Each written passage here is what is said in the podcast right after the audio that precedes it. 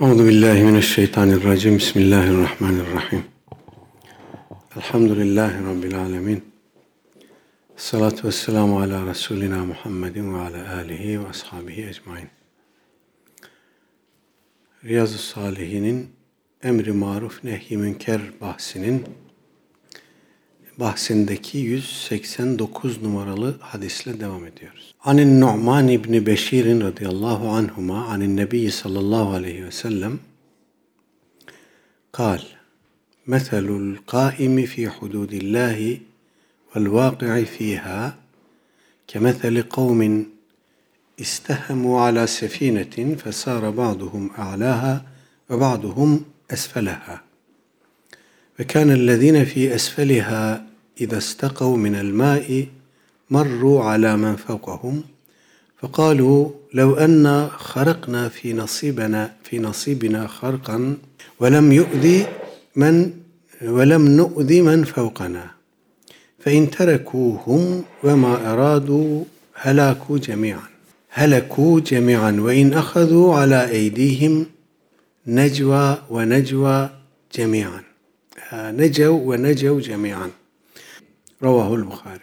Numan bin Beşir radıyallahu anh nakletmiş. Diyor ki aleyhissalatü vesselam Efendimiz buyurdu ki Meselul kaimi fi hududillahi vel vaki'i fiha Allah'ın çizdiği sınırları e, ikame eden, muhafaza eden ve o sınırlarda duran kimselerin misali, temsili kemeseli kavmin bir kavme benzer ki bir topluluğun misali gibidir ki istehemu ala sefinetin bir gemide yolculuk ediyorlar ve aralarında kura çektiler.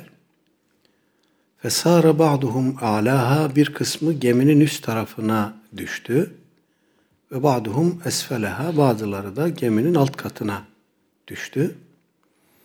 Ve kânellezîne fi esfeliha geminin alt tarafında bulunanlar اِذَا اسْتَقَوْ مِنَ الْمَاءِ Su ihtiyacı olduğu zaman, su almak istedikleri zaman merru ala men fevkahum üst kattakilerin yanından geçiyorlardı. Onların bulunduğu yere gidiyorlardı. Ve kalu kendi aralarında dediler ki lev enna harakna fi nasibina harkan lem nu'zi men fevkana Acaba biz bizim hissemize düşen bu geminin alt tarafından bir delik açsak da üst kattakileri rahatsız etmesek, suyumuzu buradan alsak. Dediler, nasıl olur dediler.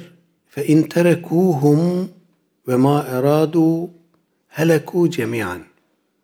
Eğer geminin üst tarafında bulunanlar alt kattakileri bu düşüncelerini gerçekleştirmekte e, serbest bırakırlarsa, buna göz yumarlarsa hep birlikte helak olurlar.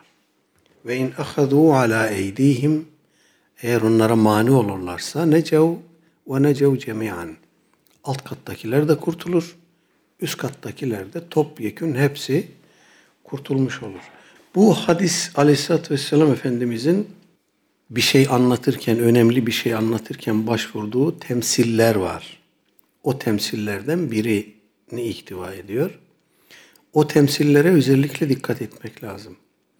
Aleyhisselatü Vesselam Efendimiz bir işin mahiyetini, künhünü, hakikatini anlatmak istediği zaman e, sıklıkla diyebileceğimiz periyotlarla böyle benzetmelere başvuruyor. Benimle sizin meseleniz şunun gibidir. Ben sizin aranızda şunun gibiyim şeklinde. E, ben bunları bir ara toplamıştım. Bir Ramazan programında Aleyhisselatü Vesselam Efendimizin misalleri, meselleri başlığı altında çok çarpıcı rivayetler var. Bu da onlardan birisi. Allah Teala'nın çizdiği hudutları korumanın ehemmiyetini anlatıyor Efendimiz burada. O sınırları hem kendimiz e, koruyacağız, muhafaza edeceğiz. Kendimiz daha doğrusu hem o sınırlara riayet edeceğiz hem de başkalarının o sınırlara tecavüz etmesine mani olacağız o sınırlarda bekçilik yapacağız. Bazen Allah Teala'nın üzerimize, etrafımıza çizdiği bu sınırlar, bu kırmızı çizgiler bizi zorlar. Bunlar arasında e, maslahatımıza, menfaatimize, kişisel görüşümüze uygun olmadığını düşündüğümüz şeyler olur. Böyle bir durumda dahi bizim bu sınırları e, hassasiyetle muhafaza etmemiz lazım. Çünkü bizim e, hakkımızda neyin hayırlı neyin şerli olduğunu mutlak ve kesin biçimde tayin edecek kudretimiz de yok, ilmimiz de yok. Allah Teala Bakara suresinde e, savaşı emrederken kutibe aleykumul kitalu ve huve kurhun lekum. Allah size savaşı yazdı, farz kıldı. Siz ondan ikrah edersiniz buyuruyor. Ondan sonra da arkasından hiç e, aklımızdan çıkarmamamız gereken bir külli temel e, hakikati dikkatimize, nazarımıza veriyor.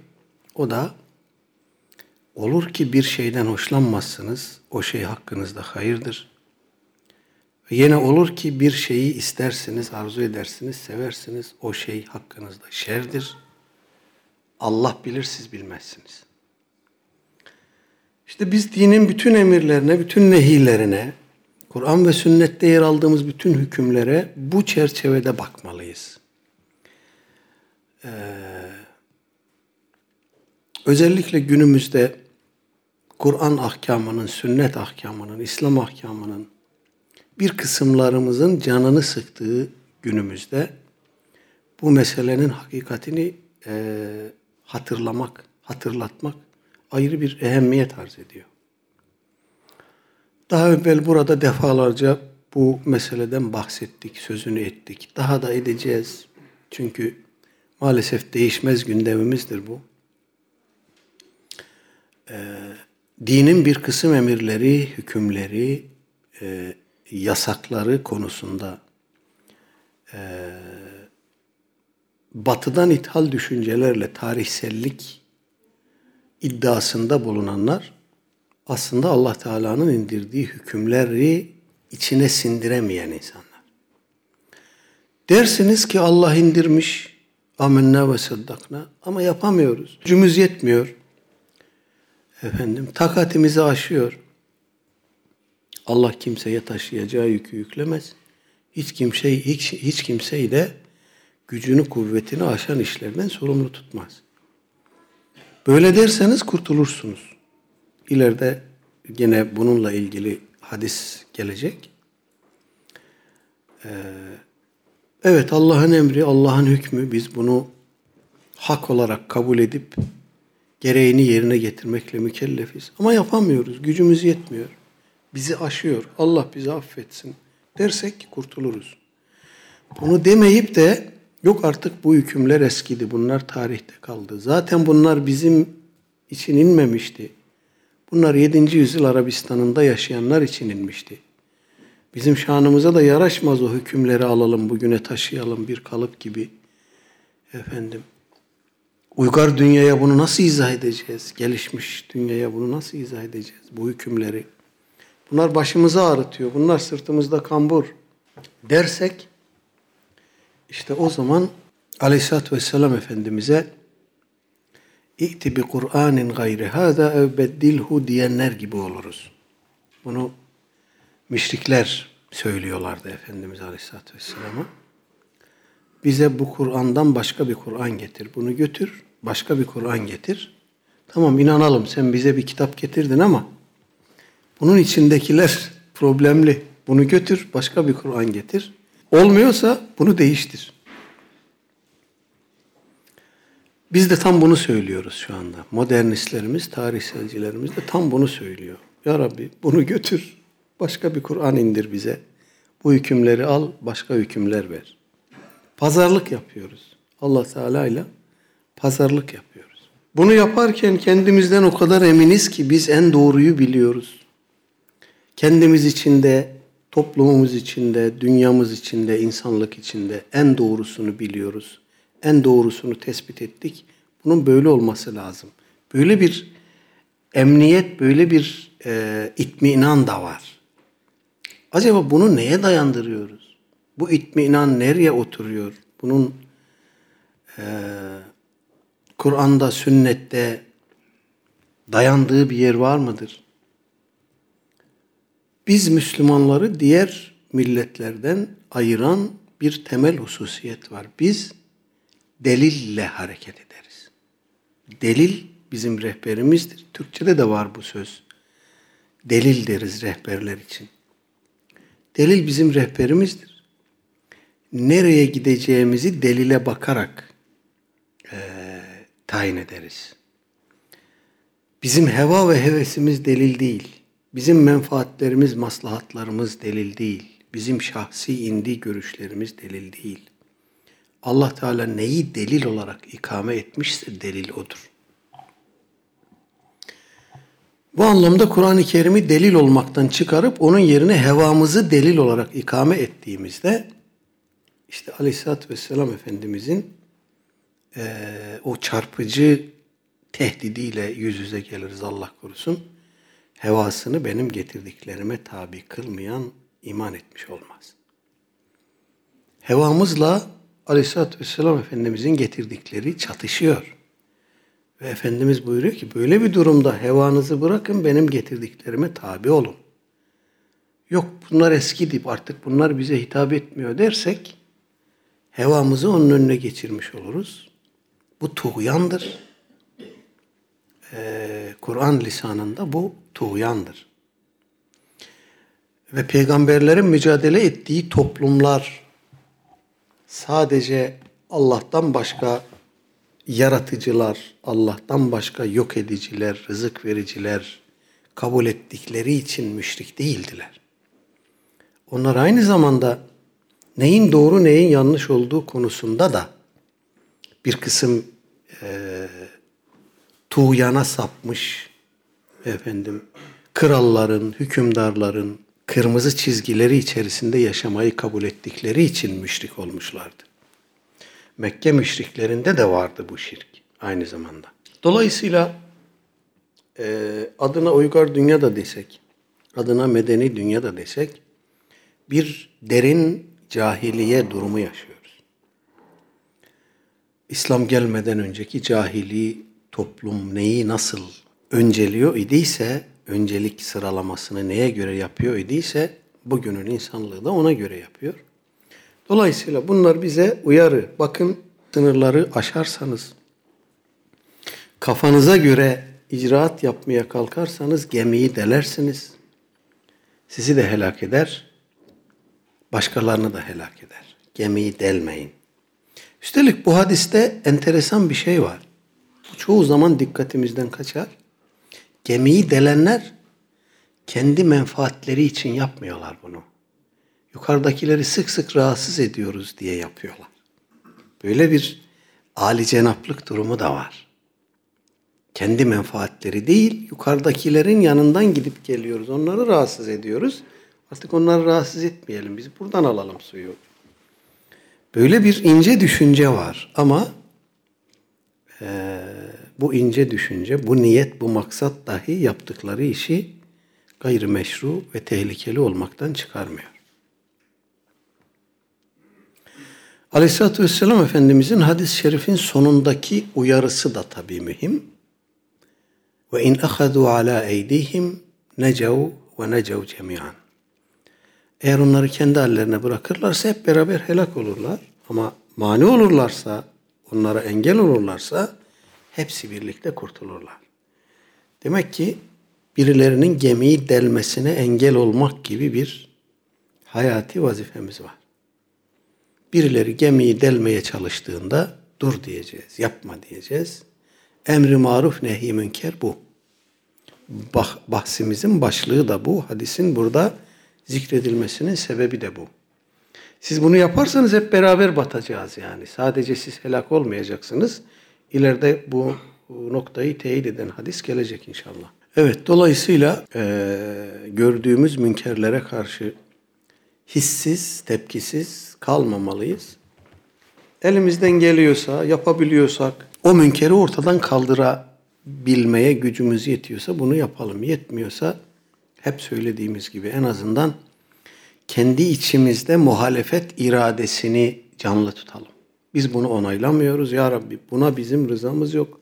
Buna onayımız yok. Sen de buna şahitsin. Ama gücümüz yetmiyor.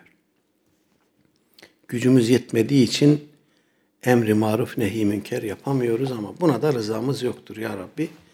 Deme iradesini elde bulundurmak lazım ki kurtulabilelim. Evet 190 numaralı rivayet. An ummil mu'minine ummi selemete hind binti ebi umeyyete Huzeyfete radıyallahu anha. عن النبي صلى الله عليه وسلم أنه قال إنه يستعمل عليكم أمراء فتعرفون وتنكرون فمن كره فقد برئ ومن أنكر فقد سلم ولكن من رضي ve tabi'a. Kalu ya Resulallah ela nukatiluhum? Kale la ma ekamu fikumus salate ravahu muslim. İmam Müslim rahimehullah nakletmiş. Müminlerin annelerinden Ümmü Seleme validemiz. Allah ondan da diğerlerinden de razı olsun. Nakletmiş. Zaman zaman Aleyhisselatü Vesselam Efendimizin pak zevceleri bizim annelerimizden bahsederken böyle kısa kısa bilgiler vermeye çalışıyorum ki aklımızda kalsın. Unutabiliyoruz. Sayıları biraz fazla olduğu için hangisi hangisiydi, özelliği, sıfatı neydi karıştırabiliyoruz, unutabiliyoruz. İleride Hazreti Zeynep validemiz de gelecek. Onun e, hakkında da kısa bilgi vermeye çalışacağım inşallah. Ümmü Seleme validemizin asıl adı Hint. Burada da geçiyor. Ee, Ümmü Seleme e, künyesi oğlundan dolayı e, ilk Müslüman ailelerden eşiyle birlikte e, Habeşistan'a ilk hicret edenlerden. Eşi de Ebu Seleme radıyallahu anhu ilk hicret edenlerden e, hatta hicret esnasında e, müşrikler yollarına çıkıyorlar. Oğlunu alıyorlar.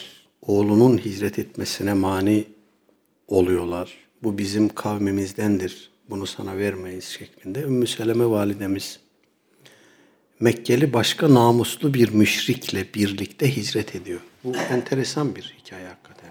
Yani o yolculukları esnasında o namuslu, haysiyetli müşrik e, öyle hassas ve titiz davranıyor ki hiç yanına yaklaşmıyor. Deveye indirirken, bindirirken, mola yerlerindeyken falan o kıssa anlatılır siyer kitaplarında. Enteresan hakikaten. Efendim Ümmü Seleme validemiz o şekilde hicret ediyor. Ee, daha sonra e, eşi de hicret ediyor Ebu Seleme radıyallahu anh. Sonra eşi Uhud'da şehit oluyor. Uhud'da şehit olunca e, yara Uhud'da aldığı yara üzerine şehit oluyor. Uhud'da şehit olunca kendisine talipliler çıkıyor. Hazreti Ebu Bekir, Hazreti Ömer talip oluyorlar. Fakat o evlenmiyor onların hiçbirisiyle. Ondan sonra Aleyhisselatü Vesselam Efendimiz talip olunca ona evet diyor. Ümmü Seleme validemizin bir kısım hususiyetleri var. Bunlardan birisi Hazreti Cibril radıyallahu anh'ı insan suretinde gören e, bildiğim kadarıyla tek eş. Aleyhisselatü Vesselam Efendimizin tek eşi. Onu sahabeden Dıhyetül Kelbi kılığında görüyor. Dıhyetül Kelbi çok yakışıklı, mütenasip beden uzuv itibarıyla bir sahabi. Hazreti Cibril onun suretine bürünerek gelirmiş zaman zaman. Bir seferinde de Ümmü Seleme validemiz görmüş onu. Çok dirayetli bir hanımmış. Sahabenin Hazreti Ayşe validemiz dışında sahabiye hanımlar içerisinde iştihat ettiği, fetva verdiği söylenen hanımlardan birisi Ümmü Seleme validemiz. Şu meşhur kisa ya da aba hadisi var. Ee, bu Ahzab suresindeki 33. ayet nazil olunca e, Ehli Beyt hitabı Aleyhisselatü Vesselam Efendimiz e, Hazreti Ali, Hazreti Fatıma, Hazreti Hasan ve Hazreti Hüseyin efendilerimizi çağırıyor, çağırttırıyor ve onları abasının altına topluyor, cübbesinin altına topluyor. Ya Rabbi işte ehli beytin bunlardır buyuruyor. O esnada Ümmü Seleme validemizin evindeymiş. O da kapıda görüyor bunu. Kapıda dikilmiş görüyor. Diyor ki ya Rabbi, e, ya Resulallah ben de ehli beytten değil miyim? Bu soruya Aleyhisselatü Vesselam Efendimiz ne cevap verdi? Rivayetler muhtelif. Bazıları diyorlar ki sen hayır üzeresin buyurdu Efendimiz. İnneke ala hayrin. Sen hayır üzeresin. Bazı rivayetler diyor ki sen de ehli beyttensin buyurdu Efendimiz. Burada bir manayla rivayet var belli ki. Fakat her halükarda aleyhissalatü vesselam Efendimiz Ümmü Seleme validemizin ehli beytten olma arzusunu ya da talebini reddetmemiş. Buradan onu anlıyoruz. Ee, zaten Kur'an-ı Kerim'in ehli beyt e, tabirini ihtiva eden Ahzab suresindeki o ayetler düşünüldüğünde orada peygamber hanımlarına e, hitap ediyor Cenab-ı Hak.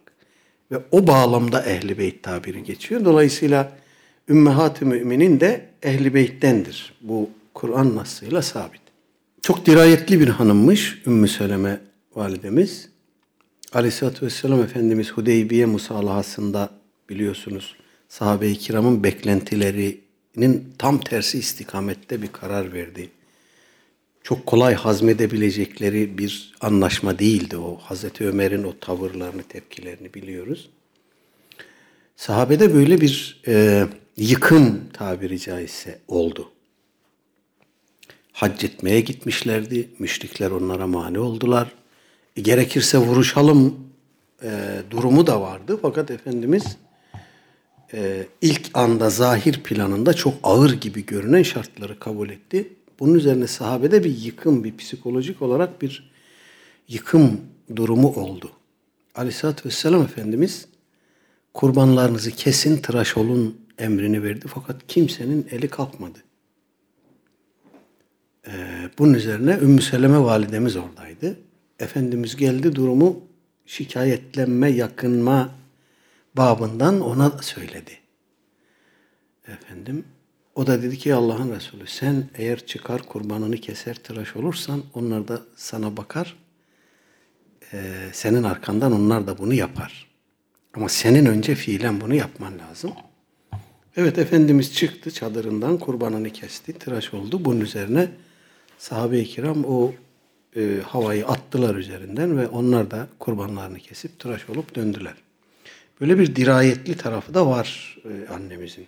Ve nihayet müminlerin anneleri içerisinde en son vefat eden Ümmü Seleme validemiz olduğunu siyer kaynakları haber veriyor. Allah ondan da diğerlerinden de razı olsun. Ümmü Seleme validemiz diyor ki Aleyhisselatü Vesselam Efendimiz buyurdu ki innehu yusta'melu aleykum umera'u sizin üzerinize bir kısım emirler, idareciler gelecek. Başınıza bir kısım yöneticiler gelecek. Fetarifune ve tunkirun onlardan zaman zaman onaylayacağınız, zaman zaman onaylamayacağınız icraatlar göreceksiniz. Femen kerihe fakat beriye. Kim onların bu münkerat kabilinden onaylamayacağınız icraatlarını e, kerih görürse onların günahından beri olur. Onların vebalinden uzak olur. Ve men enkera fakat selime. Kim de onları bundan alıkoyarsa kendisini de toplumu da selamete çıkarmış olur. Velakin men radiye ve tabi'a fakat onların bu münkerat işlerine rıza gösterip de mütabaat eden, onlara tabi olanlara gelince burada üç nokta var bir evvelki derste söylemiştik hatırlarsınız. Aleyhisselatü Vesselam Efendimiz bazen e, söylemek istemiyor. Ya işte dilinin ucuna geliyor da hakikat olmasın diye vazgeçiyor, söylemiyor. Ya da çok ağır bir e, faturası çok ağır bir bedeli olacağı için e, ümmetini korkutmak istemiyor. Ama ucu açık yani bu ifadenin ucu açık. Burada Aleyhisselatü Vesselam Efendimiz üç tavırdan bahsediyor. Bunlardan biri o yöneticilerden sadır olacak münker işleri kerih görür. Bunu onaylamaz birinci grup. Fakat bir şey de yapmaz. İşte bu imanın en zayıf noktası. Bunlar beri'e, o vebalden uzak olurlar. O yöneticilerin o mekruh, kerih, münker işlerinden ve onun vebalinden uzak olurlar.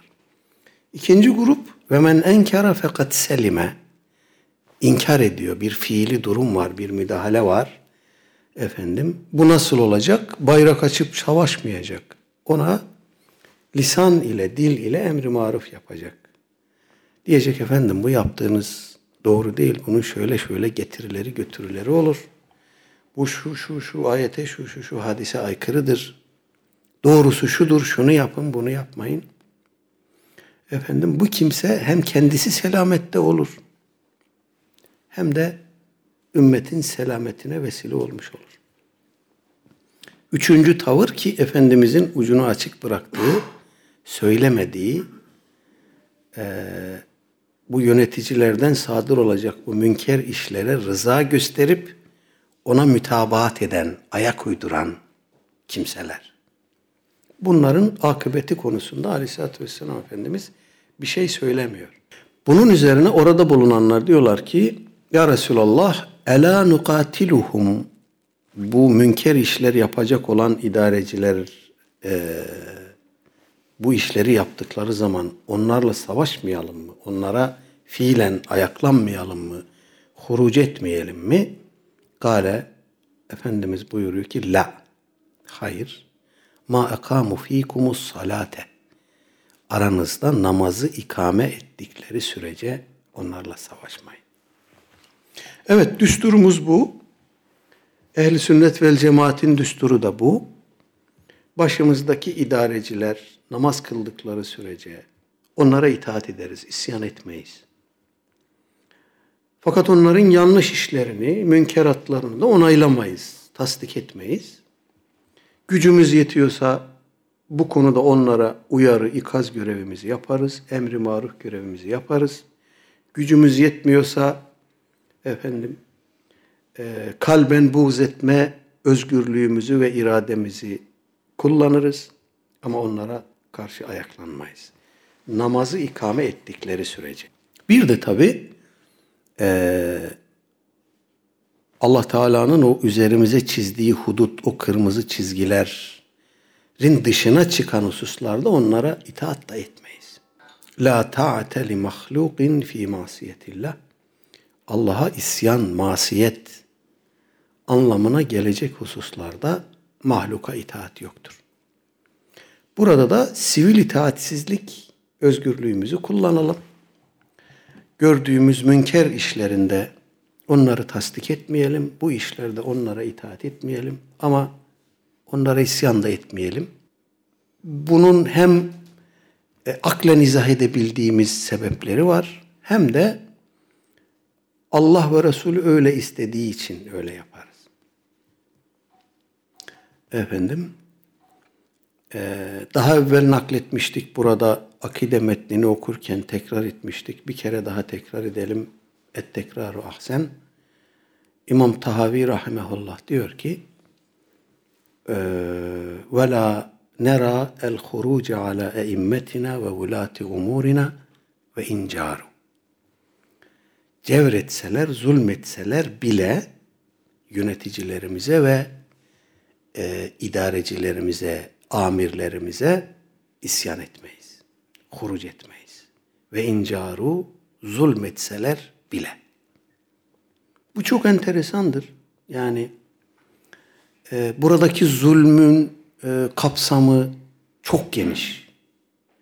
Yani Allah'ın emirlerine aykırı bir şeyle hükmetmesi de zulümdür. Birisinin sırtına vurup ekmeğini alması da zulümdür birisinin hürriyetini kısıtlaması da zulümdür. Ee, hem kendilerine hem topluma zulümdür. Ama bunun bir tek istisnası var. Bize masiyeti emretmedikleri sürece. Masiyet emrederlerse orada itaat olmaz. Sahabe-i kiramdan itibaren bu tavrı e, görüyoruz zaten. Yani e, Yezid'den itibaren o bir kısım Emevi idarecilerine, daha sonra Abbasiler arasında da bu tarz insanlar olmuş. Bunlara karşı efendim bu ümmetin büyükleri hiç isyan etmemişler. Bu önemli bir göstergedir. Çünkü isyan edenlerin akıbetini de görmüşler. Yol açtıkları daha büyük münkeratı da görmüşler. Yani ümmetin Hazreti Hüseyin Efendimizin Kerbela'da şehadetinden sonra gördüğü bütün huruç ve isyan hareketleri, bunun istisnasını ben bilmiyorum. Hep e, daha fazla kan ile neticelenmiş. Daha büyük fitnelerle neticelenmiş. Kan kini doğurmuş, kin kanı doğurmuş. Bu şekilde bir sarmal olarak özellikle Ehl-i Beyt isyanları diye anılan isyanlar hep böyledir. Baktığınızda bir netice hasıl etmiyor. Daha büyük yaralara, daha büyük travmalara yol açıyor.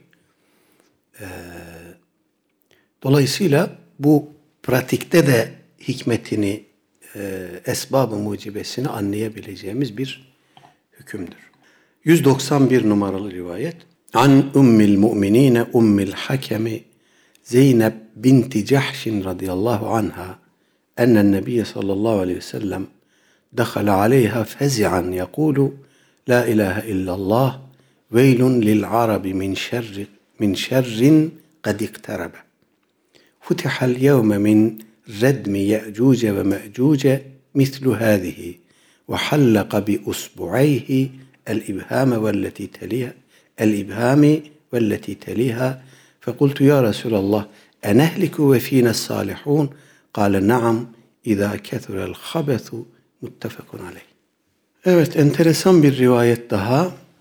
İmam Bukhari ve Müslim rahimehumallah nakletmişler. Müminlerin annesi Ümmül Hakem Hazreti Zeynep validemiz nakletmiş.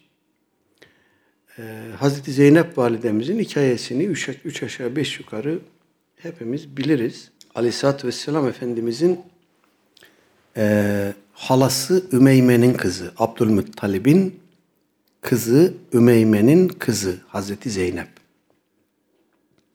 Efendimizin halasının kızı. Ahzab suresinde anlatılan Hazreti Zeyd ile Zeynep'in evlenmesi, boşanması, o, o bağlam gerçekten çok e, ilginç. Orayı bir görelim. Şöyle hafızamızı bir tazeleyelim. Ahzab suresinin 36 ila 37. ayetleri. Ve ma kana li mu'minin ve la mu'minetin İza qadallahu ve rasuluhu emren en yekuna lehumul khiyeretu min emrihim. Mümin erkek ve kadınların sünnetin hücciyeti bahsinde bu ayeti görmüştük hatırlarsanız.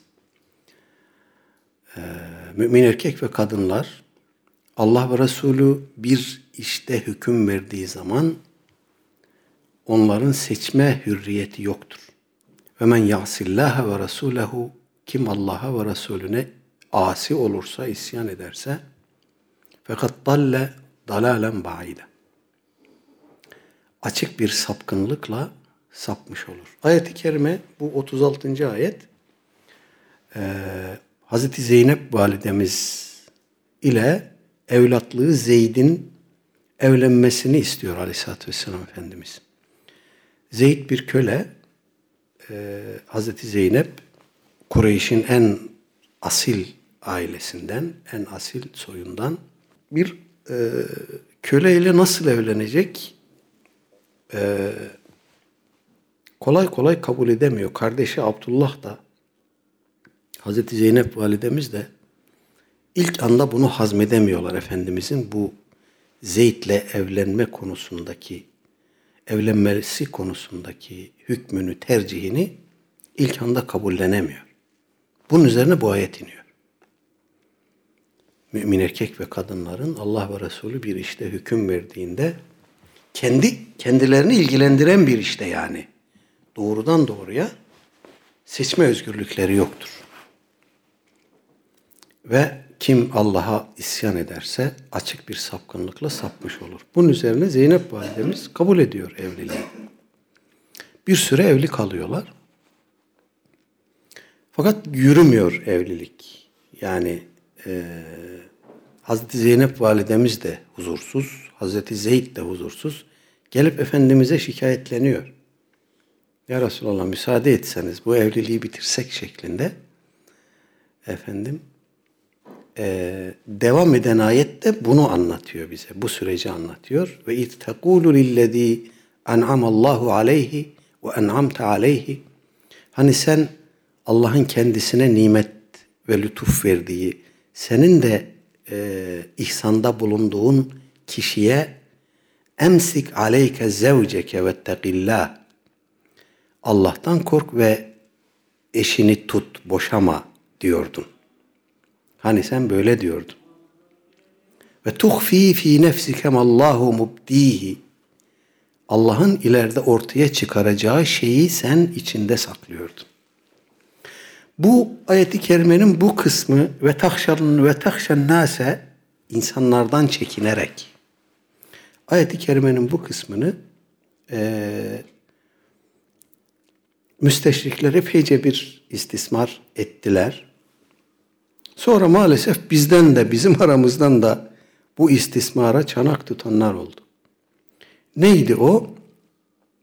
Aleyhisselatü Vesselam Efendimiz bu geçimsizlik süreci devam ederken bir gün evlerine gitti. Ee, kapı aralıydı. Hazreti Zeynep validemiz ev içi kıyafetiyle duruyordu. Böyle birdenbire bir anlık Efendimiz Hazreti Zeynep göz göze geldiler orada. Sonra Efendimiz döndü. Hazreti Zeyd'i sordu. Efendim. Ee, bu hadiseden dolayı diyorlar ki haşa ve kella Peygamber aleyhissalatü vesselam orada Zeynep'i gördü. Efendim Zeynep'e gönlü aktı.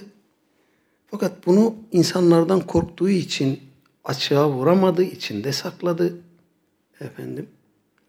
Ee, en sonunda da müsteşriklerin iddiası en sonunda da Allah'tan ayet geldi. Siz boşanın. Şimdi Allah senden beni evlendirdi falan diyecek. Böyle ayetler söyleyecek.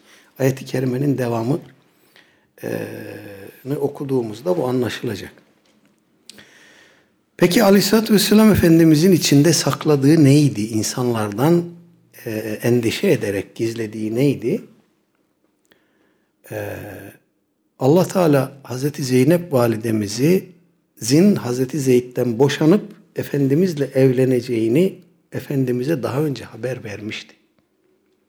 Efendimiz bu haberi biliyor fakat açıklamıyor. Açıklaması doğru da değil. Fiilen evli çünkü. Efendimizin içinde sakladığı budur.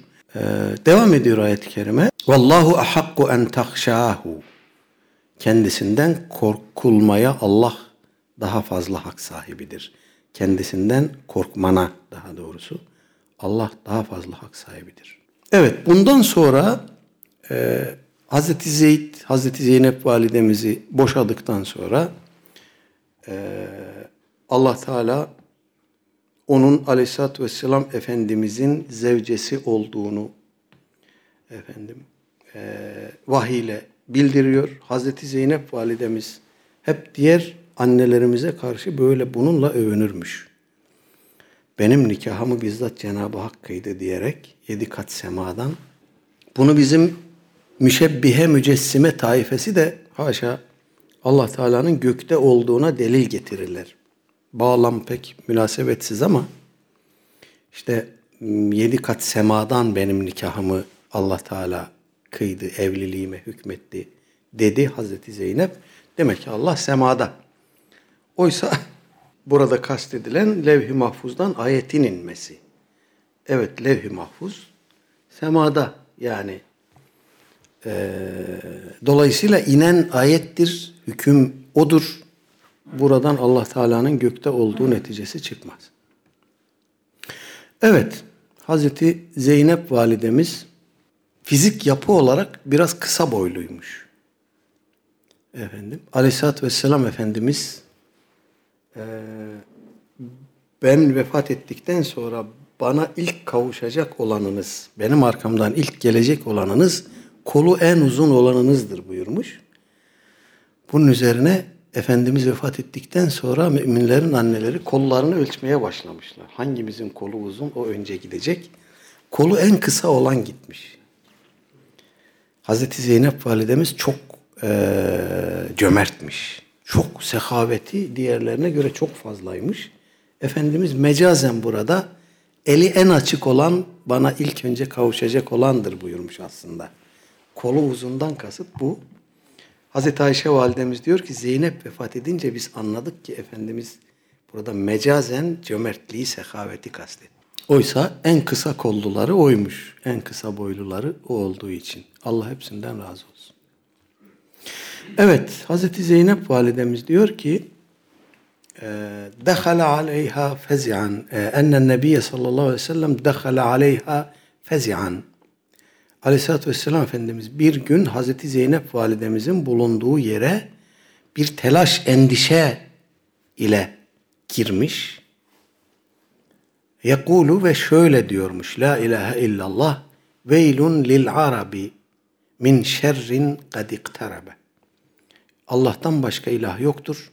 Yaklaşmakta olan şerden dolayı Arap'ın vay haline. Futihal yevme min redmi ye'cuce ve me'cuce mislu hadihi. Ye'cuc ve me'cucun seddinden şu kadar açıldı buyurmuş Efendimiz ve hallaka bi usbu'ayhil ibhame velleti teliha. Bu iki parmağını, baş parmağını ve işaret parmağını halka yaparak Yecüc ve Mecüc'ün seddinden şu kadar kısım daha açıldı buyurmuş Efendimiz. Bi usbu'ayhil ibhame velleti teliha iki parmağını halka yaparak böyle buyurdu. Fakultu ben dedim ki ya Resulallah enehliku ve fine salihun aramızda salih kimseler var. Böyle olduğu halde Yecüc ve Mecüc bu seddi yıkacak, çıkacak. Bunun arkasından bir toplu helak gelecek. Ama aramızda salih kimseler var. Biz böyleyken topluca helak olur muyuz? Ey Allah'ın Resulü dedim. Kale buyurdu ki naam. Evet. İza kethurel habesu.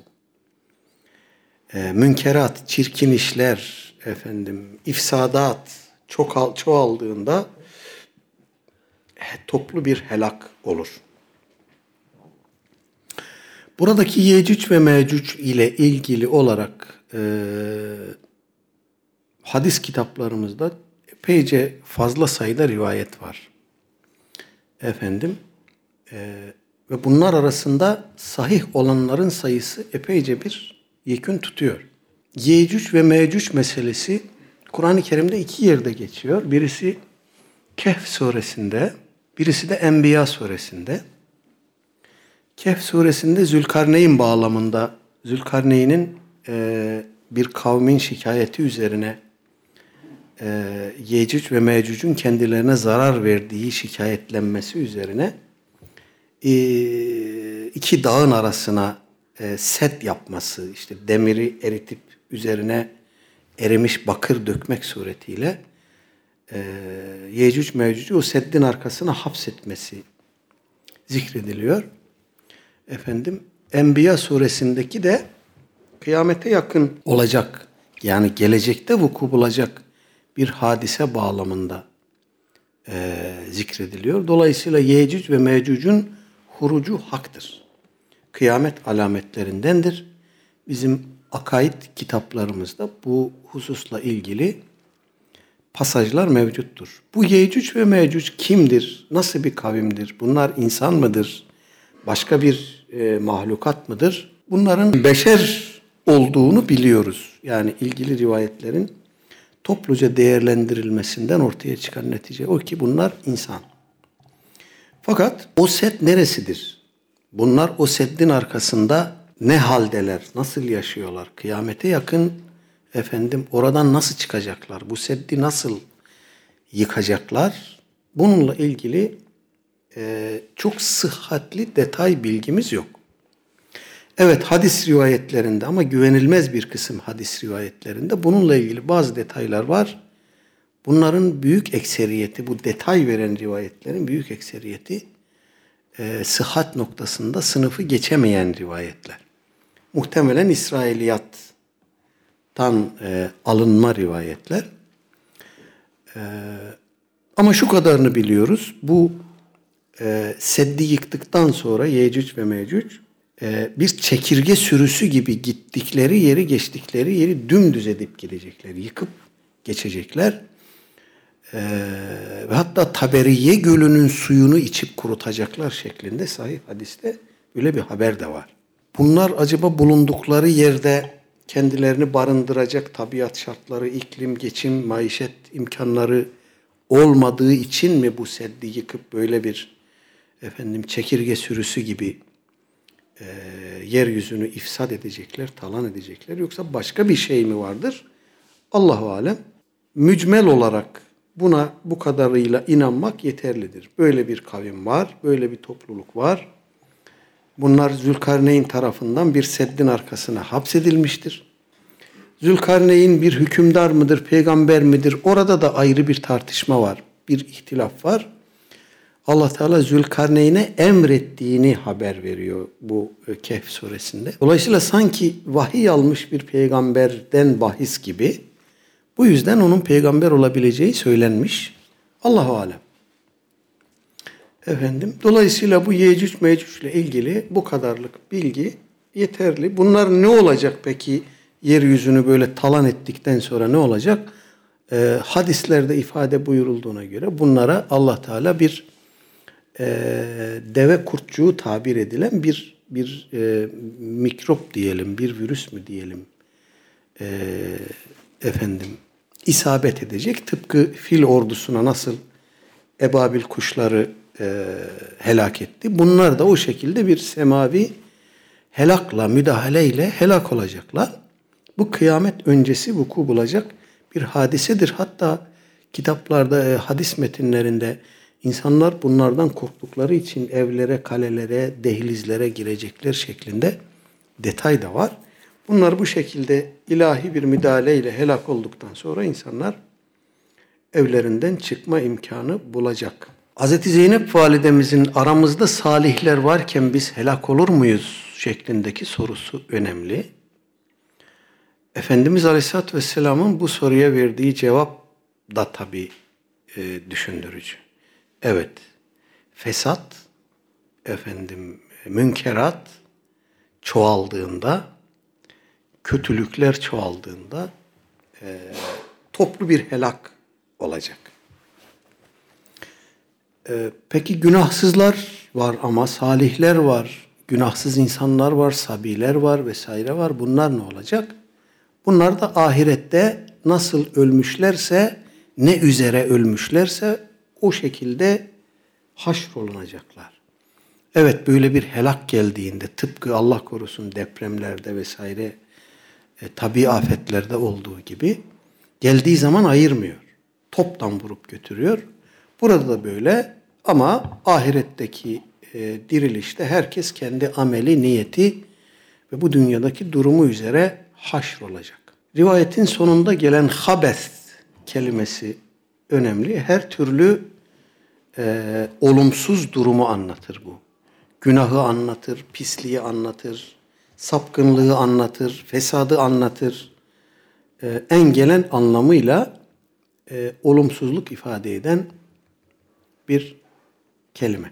192 numaralı hadis. An Ebi Sa'idin el-Hudri radıyallahu anhu anin Nebi sallallahu aleyhi ve selleme kal İyyakum vel culuse fit turukat. فقالوا يا رسول الله ما لنا من مجالسنا بد نتحدث فيها. فقال رسول الله صلى الله عليه وسلم فإذا أبيتم إلا المجلس فأعطوا الطريق حقه. قالوا وما حق الطريق يا رسول الله؟ قال غض البصر وكف الأذى ورد السلام والأمر بالمعروف والنهي عن المنكر. Muttefakun aleyh. Ebu Said el-Hudri radıyallahu an naklediyor. Efendimiz aleyhissalatü vesselam buyurmuş ki İyyâkum vel culûse fit turukat. İnsanların gelip geçtiği yerlerde, sokaklarda oturmaktan sakının. Galu bunun üzerine sahabe-i kiram dediler ki Ya Resulallah ma lena min mecalisina buddun. Ey Allah'ın Resulü bizim bundan vazgeçmemiz bahis konusu değil. Vazgeçemeyiz bundan. Netahaddesu fiha. Çünkü biz orada oturup istişare yapıyoruz, sohbet ediyoruz, ilmi müzakere yapıyoruz. Efendim yol kenarlarında oturuyoruz yani. Bu durumda ne yapacağız? Aleyhisselatü Vesselam Efendimiz buyuruyor ki ve izâ ebeytum illel meclise illa orada oturacaksanız orada oturmak zorundaysanız a'tut tarika hakkahu yola hakkını verin. Galu dediler ki ve ma hakkut tariki ya Resulallah Yolun hakkı nedir ey Allah'ın Resulü? Gale buyurdu ki gaddul basar. Gözünü, gözü sakınmak. Yani harama bakmaktan, gelip geçen insanların mahremlerine bakmaktan, gözü sakınmak, yummak, göze hakim olmak. Ve kefful eda, gelip geçenlere eziyet vermekten sakınmak. İnsanların yol güzergahları üzerine gelip geçtikleri güzergah üzerine değil de yol kenarlarına mesela oturmak suretiyle insanları efendim e, insanlara eziyet vermeden yollarını efendim uzatmalarına sebebiyet vermeden ya da gelip geçenleri başka türlü şekilde rahatsız etmeden konuşmakla olur, laf atmakla olur, gürültü yapmakla olur, başka türlü olur yoldan gelip geçenlere eziyet vermekten sakınmak. Ve raddus selami gelip geçenlerin verdiği selamı iade etmek. Vel emru bil ma'ruf ve nehyu anil münker. Ve tabi en sonunda emri maruf ve nehy münker.